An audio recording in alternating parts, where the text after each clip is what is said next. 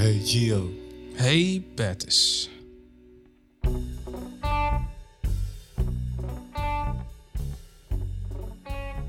Weet je, we zouden vandaag moeten hebben over die ene dag toen wij voor de eerste keer op het podium stonden samen. Wanneer was dat dan? Dat heb ik opgezocht op mijn website www.bertusboris.nl En dat was op 13 maart 2015. Zo. Dat is even geleden. Ja, kun je wel zeggen.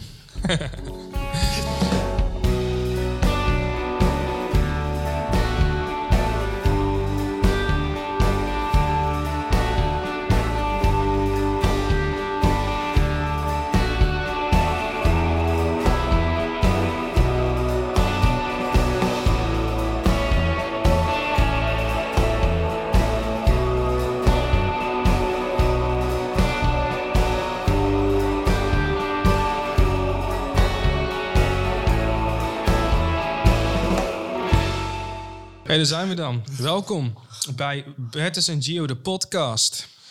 Yeah. Retro muzikanten in moderne tijden. Rock-veteraan Bertus Borgers uit 1947 en gitarist Gio Sliwa, dat ben ik, slaan een brug tussen de generaties.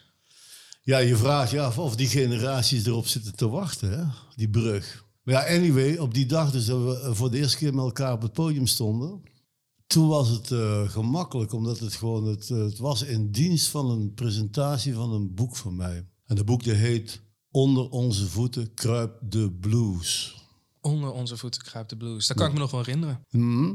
Jij kende mij waarschijnlijk wel van verhalen van anderen... en ik kende jou niet. Dat klopt. Ten eerste studeerde ik op de Rock Academie toen. Ah. Dus jouw naam was toen al eh, bij mij redelijk bekend. Maar ik kende jou niet zozeer van de Rock Academie. Als in, ik heb jou niet leren kennen op de Rock Academie. Want jij was tegen die tijd al daar weg. Ja, toen was ik al met pensioen. Toen was je al met pe- vervroegd pensioen. Nee, niet, nee, mooi op tijd, man. Op, op- met mijn 65e ben ik met pensioen gegaan wat betreft het onderwijs. Op tijd pen- met pensioen gaan. Super. Op tijd, ja. Want ik zeg zo, pensioen moet je doen. Pensioen moet je doen. Oké, nou te gek. Ehm hey, maar Bertus, voordat we misschien eh, gaan eh, het hebben over hoe we elkaar nou echt hebben gevonden. Waarom, ehm, waarom doen we dit nou eigenlijk? Waarom gaan wij nou nu ineens nu een eh, podcast opnemen? Ja, ik dacht dat we het deden omdat we elkaar vragen willen stellen of elkaars verhalen willen horen. Omdat we uit totaal verschillende tijden komen. Dat we op totaal verschillende manieren zijn wij muzikant geworden. Mhm. En we zijn toch op een gegeven moment bij elkaar gekomen op een podium. En sindsdien bij elkaar gebleven. Ja, precies. En dat is ook waar onze subtitel voor staat. Hè? We slaan een brug tussen de generaties. Dat gaat over het Yeah. vinden van elkaar. Twee, we zijn allebei muzikanten. Weet je wel, allebei opgegroeid in een heel ander tijdperk. We hebben, Ja, we hebben de muziek, onze muzikale groei op een eigen manier ja, ontwikkeld. Ja, moeten vorm Met andere tools. Ik bijvoorbeeld met YouTube en Spotify. en jij met een... Ja, ik met een, eh, een harmoniegezelschap en daarna een eerste rockbandje. En ik kom nog uit het volledige akoestische tijdperk, joh. Precies. Jij hebt het eerste stopcontact nog meegemaakt. Of, eh? Ja, zoiets, ja. Zo moet je dat zien. Alright, nou tof. Dus dat is een beetje wat wij gaan doen in deze podcast. Sorry, ik moest even goed gaan zitten. Ja, oké. Daarnaast, eh, om het even alvast een, eh, een klein beetje in te leiden wat er nog meer gaat gebeuren. We zijn natuurlijk muzikanten, dus we willen graag ook zeker naar muziek luisteren. Daarom hebben wij een, eh, een, een belletje. En dit belletje is de. Er staat op Ring for Gin, voor mensen die dat interessant vinden. Maar wij gebruiken hem ergens anders voor. Ja, wij gebruiken hem als, eh, als we joker in willen zetten. Dus als, ehm, als ik denk van, ja, nou hebben we genoeg geluld over dit onderwerp. Nou wil ik het wel eens ergens anders over hebben. Dan bel ik met dat ring voor gin. En dan zet ik een joker in. En dan gaan we lekker muziek luisteren. Ja, of een eh, podcast luisteren van iemand anders. Ja, precies. Alright, dus, eh, dus dat gaan wij doen. En eh, nou ja, dit is dus onze pilot. En we gaan het hebben over hoe we elkaar hebben gevonden. En dit blijkt dus in, eh, wat was het, 2015? 15, 15. Godverdorie, man. Ik weet nog, ik ging een presentatie in elkaar zetten van een boek van wat ik had geschreven. Dat was het derde boek wat ik schreef in mijn leven. En het boek dat heette Onder onze voeten kruipt de blues.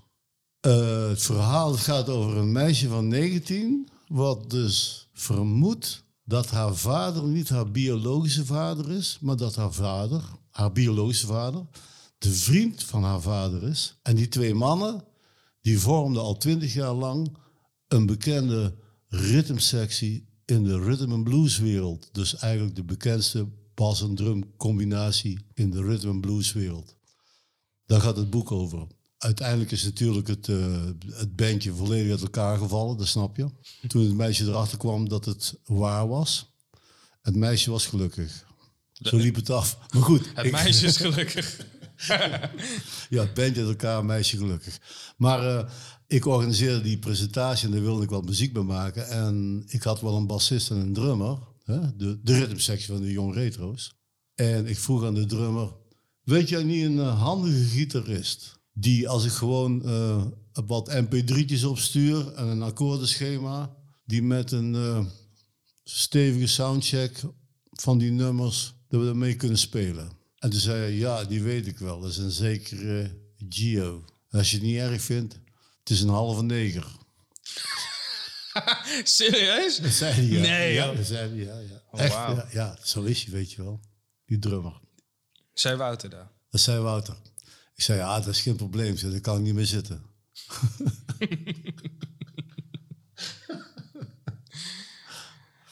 Zo ging dat. Dus toen kwam ja, ja toen, eh, toen zijn we gaan eh soundchecken, een lange soundcheck. En dan hebben we die nummers even doorgenomen. En daarna is die presentatie geweest. En ik had als gast Clemens van der Ven. Mijn favoriete bluespianist van Nederland. Wauw. Ja, die ken ik nog wel, ja. Ja. Dat weet ik nog wel. Dat was dus mijn, dat was mijn eerste show met jou, Ja, toch? ja, de eerste show, ja. Ja, Wauw, in het Blue Collar in Eindhoven. ja klopt. Blue Collar Hotel. Hmm. Ja, ik kan me deze dag nog wel, of in ieder geval, ik kan me nog herinneren de eerste keer dat ik jou eh, heb ontmoet. Nadat je dus dit eh, had besproken met Wouter en Wouter mijn naam heeft doorgegeven en waarschijnlijk ook mijn telefoonnummer, belde jij mij op. Ah, En toen eh, weet ik nog wel van ja, eh, ik ben Bert Borgers. En toen was ik al verrast en van nou, waarom zou deze man mij bellen? En jij wilde met mij een, een meeting opzetten voor een potentiële show. En dat zou dus later dus die Blue Collar Show zijn geworden. En toen hebben wij gemeet in de Blue Collar, in het café, met een koffietje en een theetje. kijk, dat is me totaal ontschoten, man. Vertel verder. En toen, vertel kwam, verder. en toen kwam jij met een, eh, echt een compleet bakwerk aan, eh, aan materiaal. Een boek, een USB. En eh, ja, ik ben Bertus Boris, dit zijn mijn drie boeken. En eh, ga maar lezen. dit zijn de nummers die we willen gaan spelen. Zie je daar zitten? nou, eerlijk is eerlijk. In dat, dat tijd van mijn leven, in die tijd van mijn leven had ik nog nooit een boek uitgelezen, vrijwillig.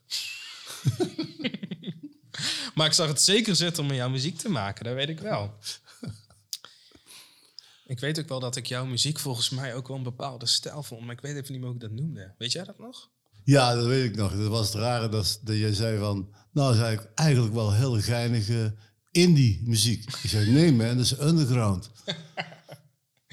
Kijk, want toen ik jouw leeftijd had, zeg maar, toen heette dat underground, weet je wel. De alternatieve rockmuziek was naar, naar de hand prog-rock. Prog rock. Ja, afkorting, een hele lelijke afkorting van progressieve rock. Uit de 60s en de 70s. Behoorlijk lelijk woord. Maar oké. Heel leuk woord. Prog rock. Prog rock.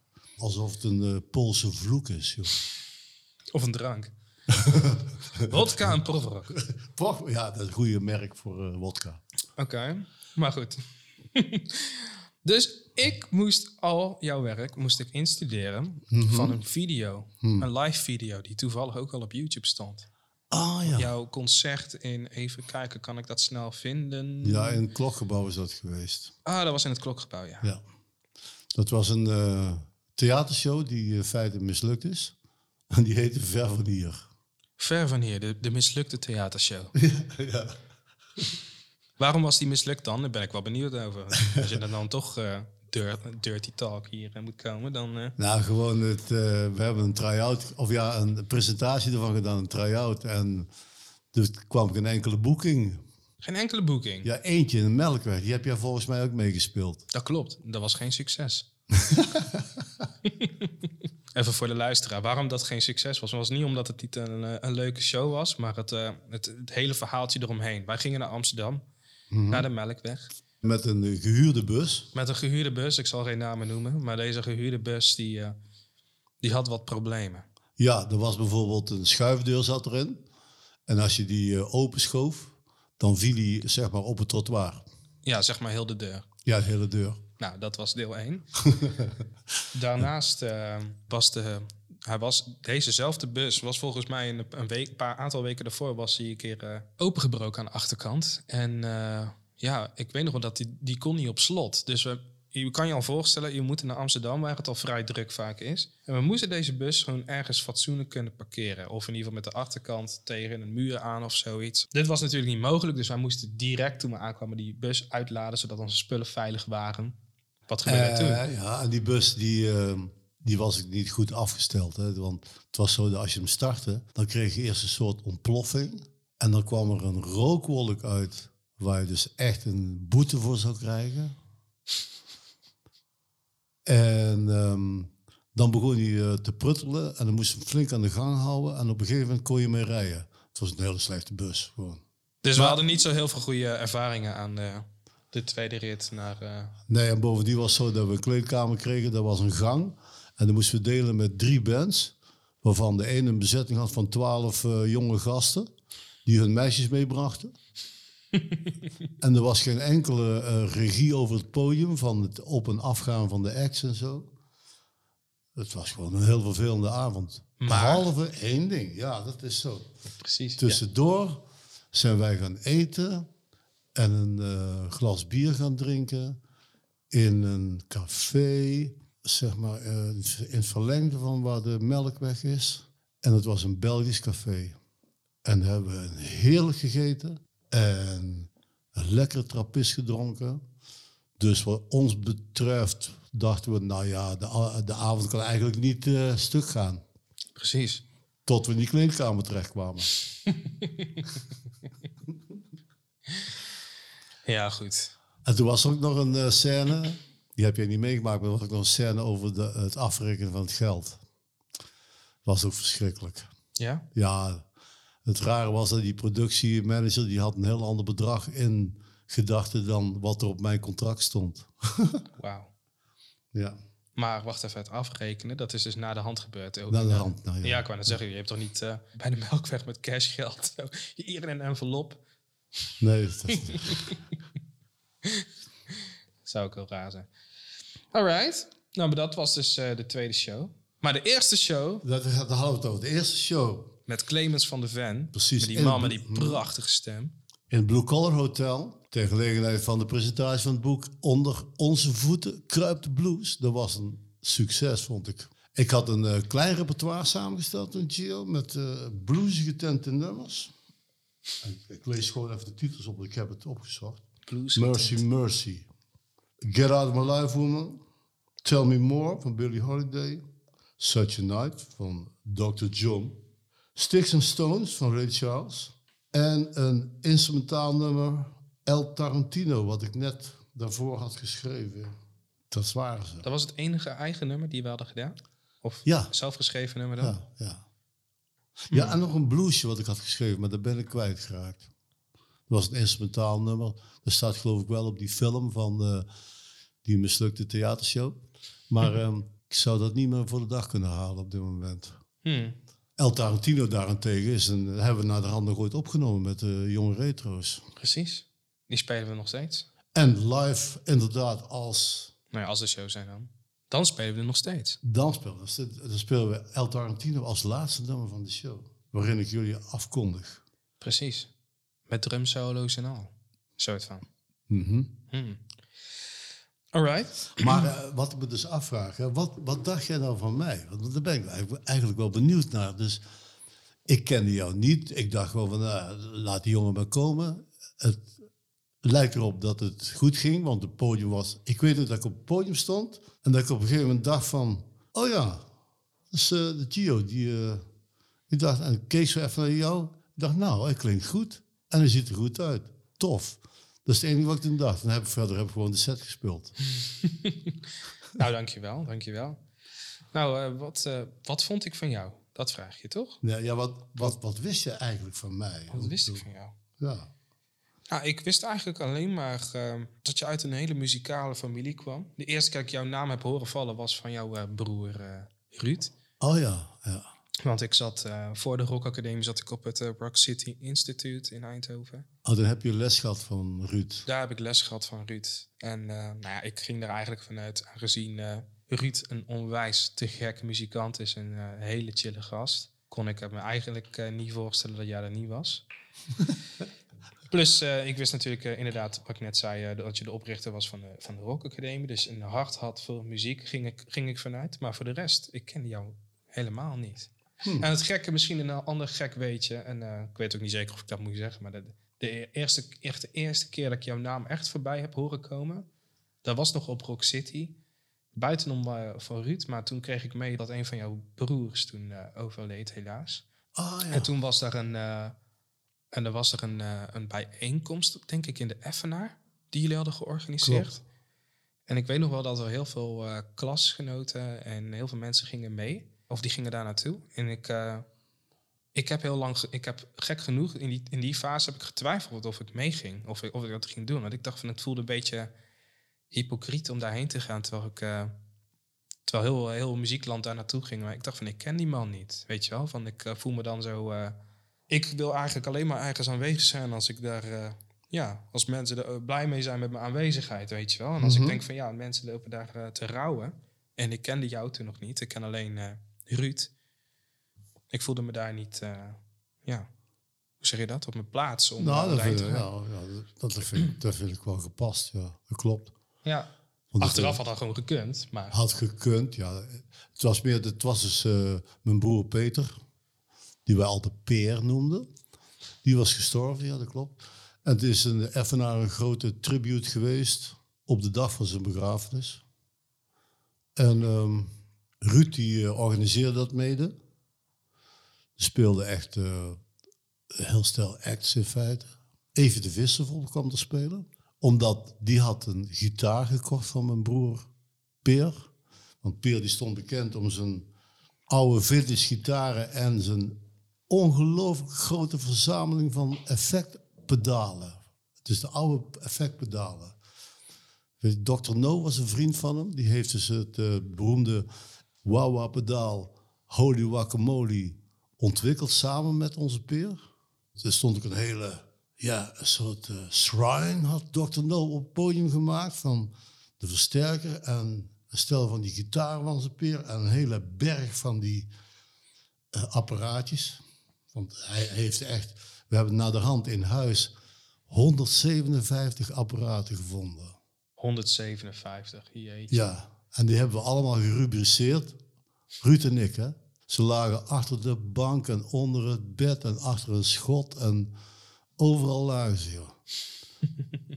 Fusjes, tube screamertjes, wawas, ehm equalizertjes, eh eh, hoe heet het? eh, nou, Van alles. Van alles, Echt van alles. Muzikanten nerd stuff eigenlijk. ja, ongelooflijk, ja. Precies. Wauw. Ja. Maar dat was eigenlijk dan eh, kortweg de eerste keer dat ik jouw naam voorbij heb horen komen. Aha. En toen kreeg ik ook door in diezelfde periode, voor mijn gevoel... Ja, als ik het qua jaartal mis heb hoor, maar dan moet je het maar zeggen. Maar in, eh, of in de tijdlijn mis heb. In die tijd ging je ook, eh, speelde je met Maurice en met Wouter al. En waarschijnlijk ook die theatershow in, de, in het Klokgebouw. Nee, we waren toen bezig, ja, die theatershow in het Klokgebouw. Voor mijn gevoel was dat een beetje dezelfde, dezelfde, dezelfde, Ja. dezelfde periode. En toen, eh, toen ben ik het ook een keer gaan kijken. Dus ik heb als in, eh, niet live, maar eh, de video's heb ik, ben ik gaan bekijken voor mijn klasgenoten een beetje Ah, uit, ja, ja. oké. uit is, interesse. Dus dat was de eerste keer dat ik jou ook al heb horen muziek maken. Oh ja, oké. Dus vet. Dat was het eigenlijk. En de eerste keer dat ik, met jou, dat ik jou dus tegenkwam, of dat wij elkaar hebben ontmoet, was dus in de Blue Collar. Daar hadden we het net over. Ja. Ik voelde gelijk al een klik. Ik voelde me gelijk op mijn gemak. Hey, weet je, bijvoorbeeld, wat ik wel benieuwd naar ben, hè? want jij komt nou niet echt, echt uit de wereld van blaasinstrumenten. Ik wel bijvoorbeeld. Hè? Wat vond je nou destijds van een saxofoon? Nou, als er een blaasinstrument is dat ik gaaf vind, dan is het zeker saxofoon. Ik, vond, ik luisterde vroeger altijd naar, uh, nou ja, niet zozeer naar echt, naar echt saxofonisten. Maar bijvoorbeeld als er dan een keer zo'n een of ander jazznummer was of een uh, soulnummer en ik luisterde en ik, ik, kwam op een gegeven moment zo'n uh, een sax solo in voorbij of zo. Dan was oh. ik altijd wel echt oh. gelijk was mijn, uh, mijn aanwezigheid of mijn, mijn, uh, mijn aandacht was gelijk uh, daar naartoe gericht. Oh, ja. En dat komt omdat ik ook muzikaal solo's altijd interessant heb gevonden. Dus ik vind, daarom speel ik ook gitaar. Ik vind een gitaarsolo vind ik heel, iets heel interessants. Een soort verhaal vertellen zonder woorden. Het geluid van een gitaar kan heel erg worden beïnvloed door natuurlijk de effectpedalen en een versterker en de juiste gitaar kiezen. Maar um, een saxofoon had voor mij altijd een soort van hele eigen authentieke sound. Waar je ook in kan verschillen. Maakt niet uit wat, wat voor materiaal, denk ik, uh, de saxofoon van wordt gemaakt, denk ik. Maar of hoe die is afgewerkt. Die voor jou is bijvoorbeeld ongelakt, of hoe noem je dat? ja, afgewerkt. Ja. Maar het komt vooral vanwege omdat het een rietinstrument is. Ja, oké, precies. Ja, dat is een verschil met trompet en zo. Maar al praten nou, nou, nou ontdek ik dus een gemeenschappelijk aandachtsgebied van jou en van mij. De brug, de brug. Ja, dat is dus, dat is dus uh, uh, we hebben belangstelling voor melodie. Jij op jouw manier en ik op mijn manier, weet je wel? Ja, precies. Dus je hebt bijvoorbeeld die saxje valt op omdat het is een melodieinstrument. Mm -hmm, Jij bent ook uh, geïnteresseerd in solo's, dus in melodieën. Je bent, ja, dat, heb ik ook. Ik vind melodieën, dat vind ik gewoon een... een ja, maar vooral wat ik net zeg, weet je wel. Een solo op een instrument is een gevoel uiten zonder woorden. En dat vind ik zo iets bijzonders, iets moois. Ik ben zelf... het is bijzonder dat ik een podcast opneem met jou, maar ik vind mezelf niet ik heb mezelf nooit ervaren als iemand die sterk is in zich verwoorden. En daarom ben ik ook als uh, tiener begonnen met een instrument in plaats van zangles of zoiets. Maar ja, ik denk echt in melodieën. Ja, maar ja, een melodie is ook voor mij, bijvoorbeeld de melodie in een muzikale context. Hè. Meestal is de melodie dus ook, zeg maar, die hoort in een bepaalde omgeving van andere instrumenten en ritme en begeleiding en sounds en bla bla bla voor mij is eigenlijk een melodie de gedachte van een individu. Weet je wel, in een omgeving. Ja. Het is een individuele gedachte. Dat vind ik dus echt interessant. Ik vind gewoon de gang van de melodie vind ik heel interessant. Het verhaal waar jij zegt, ook, weet je, om zo te zeggen, wat er verteld wordt. Een melodie bestond dus ook al voordat er woorden waren. Tenminste in mijn opvatting. Nou ja, als je kijkt naar baby's, weet je wel, of, uh, of kinderen. Ja. ik weet nog wel bijvoorbeeld als, uh, als kind zong ik een liedje van de Backstreet Boys mee. I want you back was het refrein, weet je wel. I want you back, I want you back, I want you back for good, weet je wel. En ik weet nog wel dat mijn, mijn moeder vertelde me naar de hand terug. Zei van, ja, weet je wat je nou eigenlijk echt zong? Want je kon helemaal geen Engels. Ik zei, nou. zei, hou je back, hou je back, hou je back for good. Zo, dat zoiets, zoiets zong ik. Dus moest achteraf, achteraf wel een beetje om lachen. Dus eigenlijk, ja, wat ik wil zeggen is, melodie was gewoon uh, heel belangrijk. Nou, Wederom. melodie is belangrijk. Ho. Ik over, over melodie gesproken. Hey, daar is de ring for gin. Ja, joh. Weet je wat ook belangrijk is? Genade, mercy, mercy. Draai eens een stukje van, uh, van die mislukte theatershow. Oké, okay. nou hier komt... Dan uh, vertel ik namelijk van tevoren vertel ik een verhaaltje. De, de jukebox heel belangrijk was destijds in, uh, laten we zeggen, de verspreiding van alternatieve muziek. Dus de muziek die niet op de radio kwam, die stond op jukeboxen in de juiste cafés.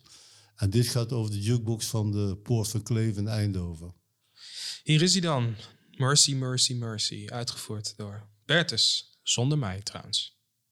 Met de naam Joe Zawinul. Die was blijven hangen in zijn band. En zijn song Mercy, Mercy stond ook op de jukebox van de Port Mercy.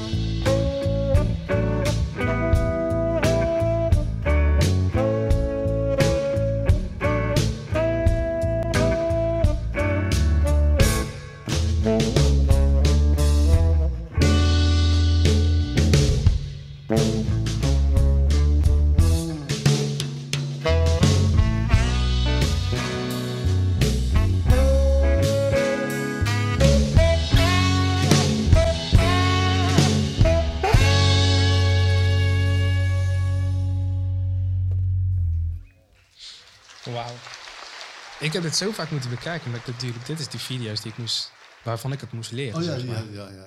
ja. Wat een nummer, hè? Ja, zeker. Dat, dat- het kwam ook eigenlijk van, de, van Cannibal Adderley, was een van mijn favoriete saxofonisten. En nog steeds trouwens. En ehm, hij speelde dit nummer, dus hij bracht van die nummers uit die waren, ja, het was jazz, maar van de andere kant, het waren ook wel eh, songs, weet je wel, met een, een thema, een melodie en dan ook een eh, soort eh, groove of zo. Want de achterkant van de singeltje, dat heette Games. Dat ging zo. Fantastisch. Oh, Dat wauw. was mooi. Ja. Dus dat was Mercy, Mercy. Wauw. Ik vind het zo bijzonder om weer die oude muziek weer terug te horen. Breng me weer terug in de tijd. Laat ik het zo zeggen. ja, maar dit was voor jou destijds natuurlijk muziek die je niet kende.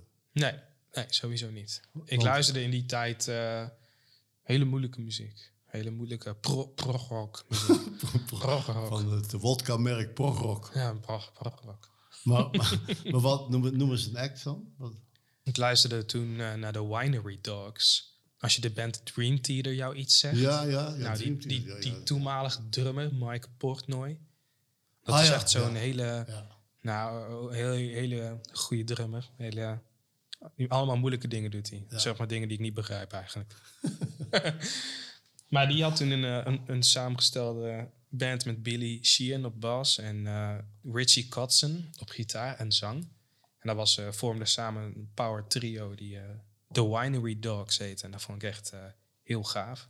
Vooral omdat het allemaal van die hele, echt van die prog-muzikanten zijn die heel goed zijn. Echt allemaal een instrument echt, ehm, nou ja, over de top goed beheersen, zeg maar. Ja. Maar toch, in die samenstelling maakten ze meer muziek dan dat ik ooit van ze heb gehoord. Bijvoorbeeld Dream Theater vond ik, ja, heb, ben ik niet gaan luisteren omdat ik de songstructuur nou echt zo goed vond, weet je wel. Dat is gewoon nummers van eh, soms 20 minuten. Ja. Dat is bijna een heel verhaal, weet je wel, van begin tot eind. Maar in die samenstelling van de Winery Dogs, dan was het gewoon meer, dan was het echt gewoon een nummer. Ja, ja, ja. ja. Nou, misschien moet ik zo meteen even een stukje laten horen. Ja, maar dat is ook wat ik net bedoelde met eh, Cannibal Adderley. Dat hij dus, eh, hij speelde gewoon ook wel jazz, jazz, zoals jazz, jazz bedoeld, eh, bedoeld is. Ja. Maar hij bracht van die singles uit, die dus ook, er waren nummers, weet je wel. Er, wa- er was niet zomaar just a piece of jazz. Nee, nee, precies. Weet je wel, en dat is ook met, inderdaad, ik heb wel eens geluisterd naar Dream Theater. En ik moet eerlijk zeggen, daar kreeg ik ook mee dan wel genoeg van. Omdat ik dacht, ja, knap is knap, heel knap en zo. Maar waar gaat het over, joh? Ja, precies, dat is het ding. En vroeger kon ik daar best wel goed doorheen luisteren, maar ja, tegenwoordig ehm, heb ik gewoon meer met echt liedjes, weet je wel. Vind ik gewoon eh, Ja. echt liedjes die onder de vijf minuten duren, zeg maar. Maar goed, ja. Ja. ik kan wel even mijn belletje inzetten ervoor, weet je wel. Zo, hey, daar is hij. Ik bedoel, als we er dan, dan toch al over hebben, dan gaan we toch een beetje muziek luisteren. Kijk, de Winery Dogs. Wat vond ik nou echt een goed nummer van hen? Die I'm No Angel. Ik zal hem eens opzetten. Komt Ja. ie.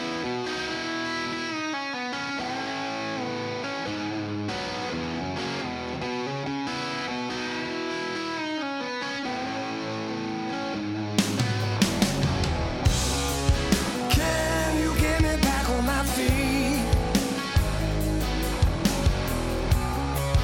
Can you make me think that my mojo is rising?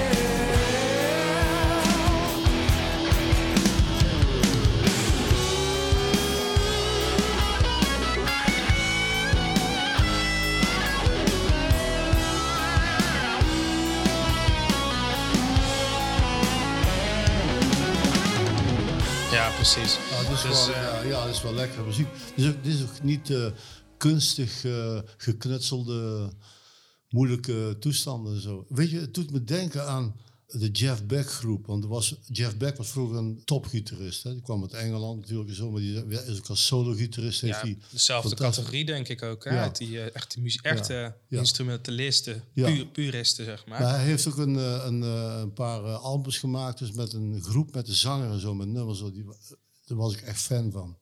Dat was echt eh, mooi. Ik heb ook trouwens van Jeff Beck ooit een van de mooiste concerten van mijn leven gezien, hoor, met, eh, in Amerika. Gewoon, dat was zo goed. Gewoon instrumentaal, hè? Een, hele, een hele set, hè? Van het album Blow by Blow. Blow by blow. Blow by Blow. Dat is echt, eh, Is dat van zijn soloplaat? was zijn eerste soloplaat, Jeff Beck. Oh, We ja. praten nou over 1975, opa. Hallo, opa. Precies, 1975. Wauw. Ja, Toen was ik nog vloeibaar. ja dat zeg je. Maar, ja, dat Maar zeg daar ik weet, ja. Maar daar weet je mooi niks meer van. Nee, dat klopt. Wauw, dat is wel heel eh, lang geleden. Hè? Ja. Maar ja, ik hou gewoon echt van. Wederom, ik luister dus altijd naar melodie, weet je wel. Dus, maar als ik dan bijvoorbeeld echt naar een, eh, naar een zanginstrument luister, weet je wel, naar een, een vocaal. Ja, ik vind dat zo goud als daar gewoon een soort van. Zo'n karakter in, die, in iemands stem zit. En dan vind ik dus bijvoorbeeld bij die zanger nu, weet je wel, die Richie Kotzen van de Winery Dogs vind ik dat vet, weet je wel. Ik vind ik vet van, eh, van Chris Cornell vind ik dat ook gaaf, Ja, weet ja, je wel. Dat, om, om maar voorbeelden te noemen. Maar eh, dat was dus onze eerste show, vond ik dat ook vet, weet je wel. Die Clemens, weet je wel, Clemens van de Fan. Ja. Wat een stem. De- Ja. Toen ik hem ontmoette, ja jongens, echt, ik ga het nog even, ik, ga, ik heb een extra bel vandaag, vind ik. Ja, ik vind heb ik, een eh, extra belletje. Ja, die is echt die stem. Ik kwam die gast tegen en zoals die man met mij praat, Hey, hey Gio. ja, echt, dan ben je toch gewoon verkocht. Wat, wat, dat is toch fantastisch. Hey Gio, gaan zo lekker nummertje spelen. Jawel. Ja. Eh, It's such a night. Ja, echt, nou, zo diep, Een zo hele, vet. hele, hele goede imitatie. En Tio. ja, ik zet hem nu op, hè, maar voor, voor hem was dat gewoon normaal. Dat is gewoon zijn ja, stem. ja, dat is zo. Ja, wauw. Oké, oké, daar komt hij. Oké, Dat is mijn bel. Clemens van der Ven. Misschien wel het laatste nummertje. Clemens van de Fan, Such a Night. Ik vind dat eh, uitgevoerd dus eh, door Bertus. Wouter op drums, Maurice op eh, bas. En ik, dus mijn allereerste show met Bertus. Ja, In en eh, Blue Collar. Clemens op piano en zang. Zeker, komt-ie. Such a night, such a night. Speciaal voor jou, Bert. Speciaal. Such a night. Night.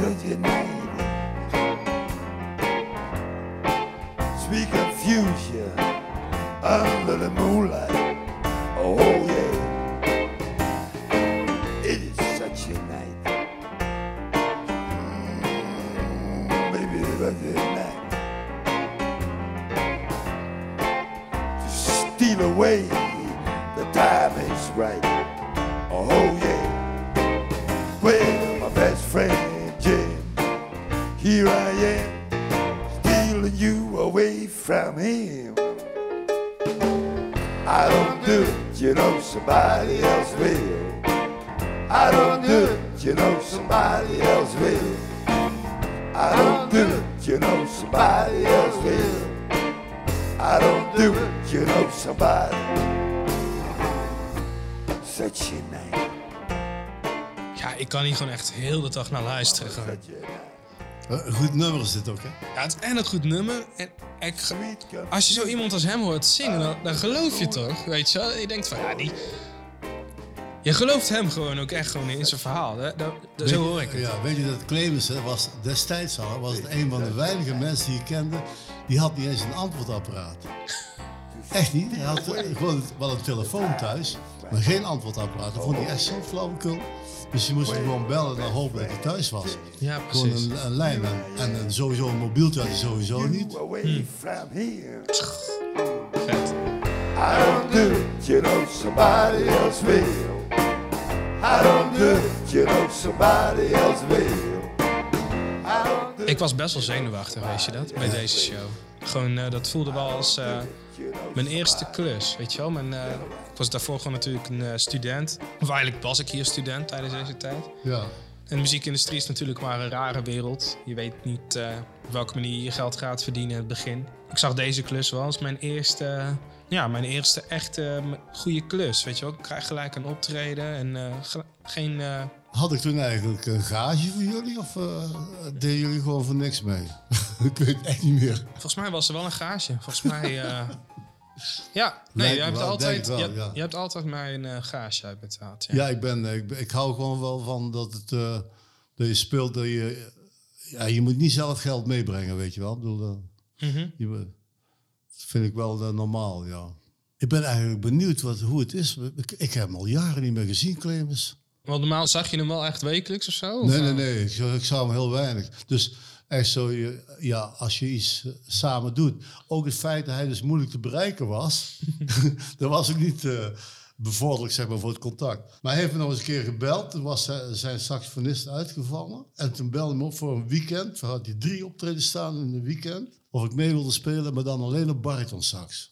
En eh, dat heb ik toen gedaan. En dat was een, repertoire alleen maar van dit soort eh, bluesnummers, weet je wel b- bluesy nummers, laat zo zeggen. En er waren hele rare optredens. Eén op, het begon met een optreden smiddags in Noord-Holland op een bruiloft. en s s'avonds speelden we in een café in Edam. En de dag erna speelden we in de Achterhoek in een sporthal. Dat echt- Ja, dat klinkt weer als het leven van de muzikant, Bert. Ene moment in pak op een bruiloft, Want- een want, andere sta je ja. een gek pakje op een eh, sporthal. ja, want het was eigenlijk... eh, het was, ik, ik deed die dingen eigenlijk niet in die tijd. Maar toen hij belde van... eh hey, Bert, eh, eh, Sax is uitgevallen. eh, kun je niet een weekendje meedoen? Dan ben ik de brand. Je wel, dat zo, hè? Ja, ja, ja. Ik zeg, ja, is goed, Clemens. Dat is oké. Waar, waar komt hij vandaan eigenlijk? Nijmegen. Nijmegen. Woont hij daar nog steeds? Ja, dat is de vraag. Ja, dat. Oh, ja, precies. Nou, bel hem eens een keer op. Ja, ik zal, tenminste, ik zal nummers bellen wat ik nog van hem heb. Ja, precies. Of die thuis is, dat weten we nooit. Dat weet je nooit. Hey, ehm, over bellen gesproken. En voor de luisteraars. Wij zouden het tof vinden als jullie een, eh een voicemail bericht of een eh, gesproken bericht eh, naar ons zouden willen toesturen via de mail. Die komt wel in de show notes terecht. En eh, In de show notes. in de show notes van, eh, van deze podcast. En, ehm, want wij willen graag eh, in, de, in, de, in de toekomst eh, antwoord geven op jullie vragen. Dus mocht er een eh, coole verzoek zijn, vraag, of wil je het hebben over bepaalde muziek, laat het Ja. ons weten. Ja, het het is niet zeker dat we antwoorden geven, maar we willen best eens meepraten over eh, wat jou bezighoudt. En dan eh, gebruiken we weer de Ring for Gin. En dan eh, Hmm, gaan we er daar lekker over kletsen. Ja. Lijkt me super. Oké, dat lijkt me tof. En dan hebben we ook een outro voor deze podcast. En dat zijn zeg maar de laatste bandklappen van de Young Retro's bij het nummer Geef me nog een kans.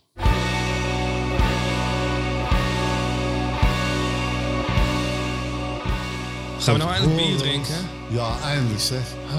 Zo hoog, de appelsap komt de neus uit. hey, bedankt voor het luisteren iedereen. Welterusten.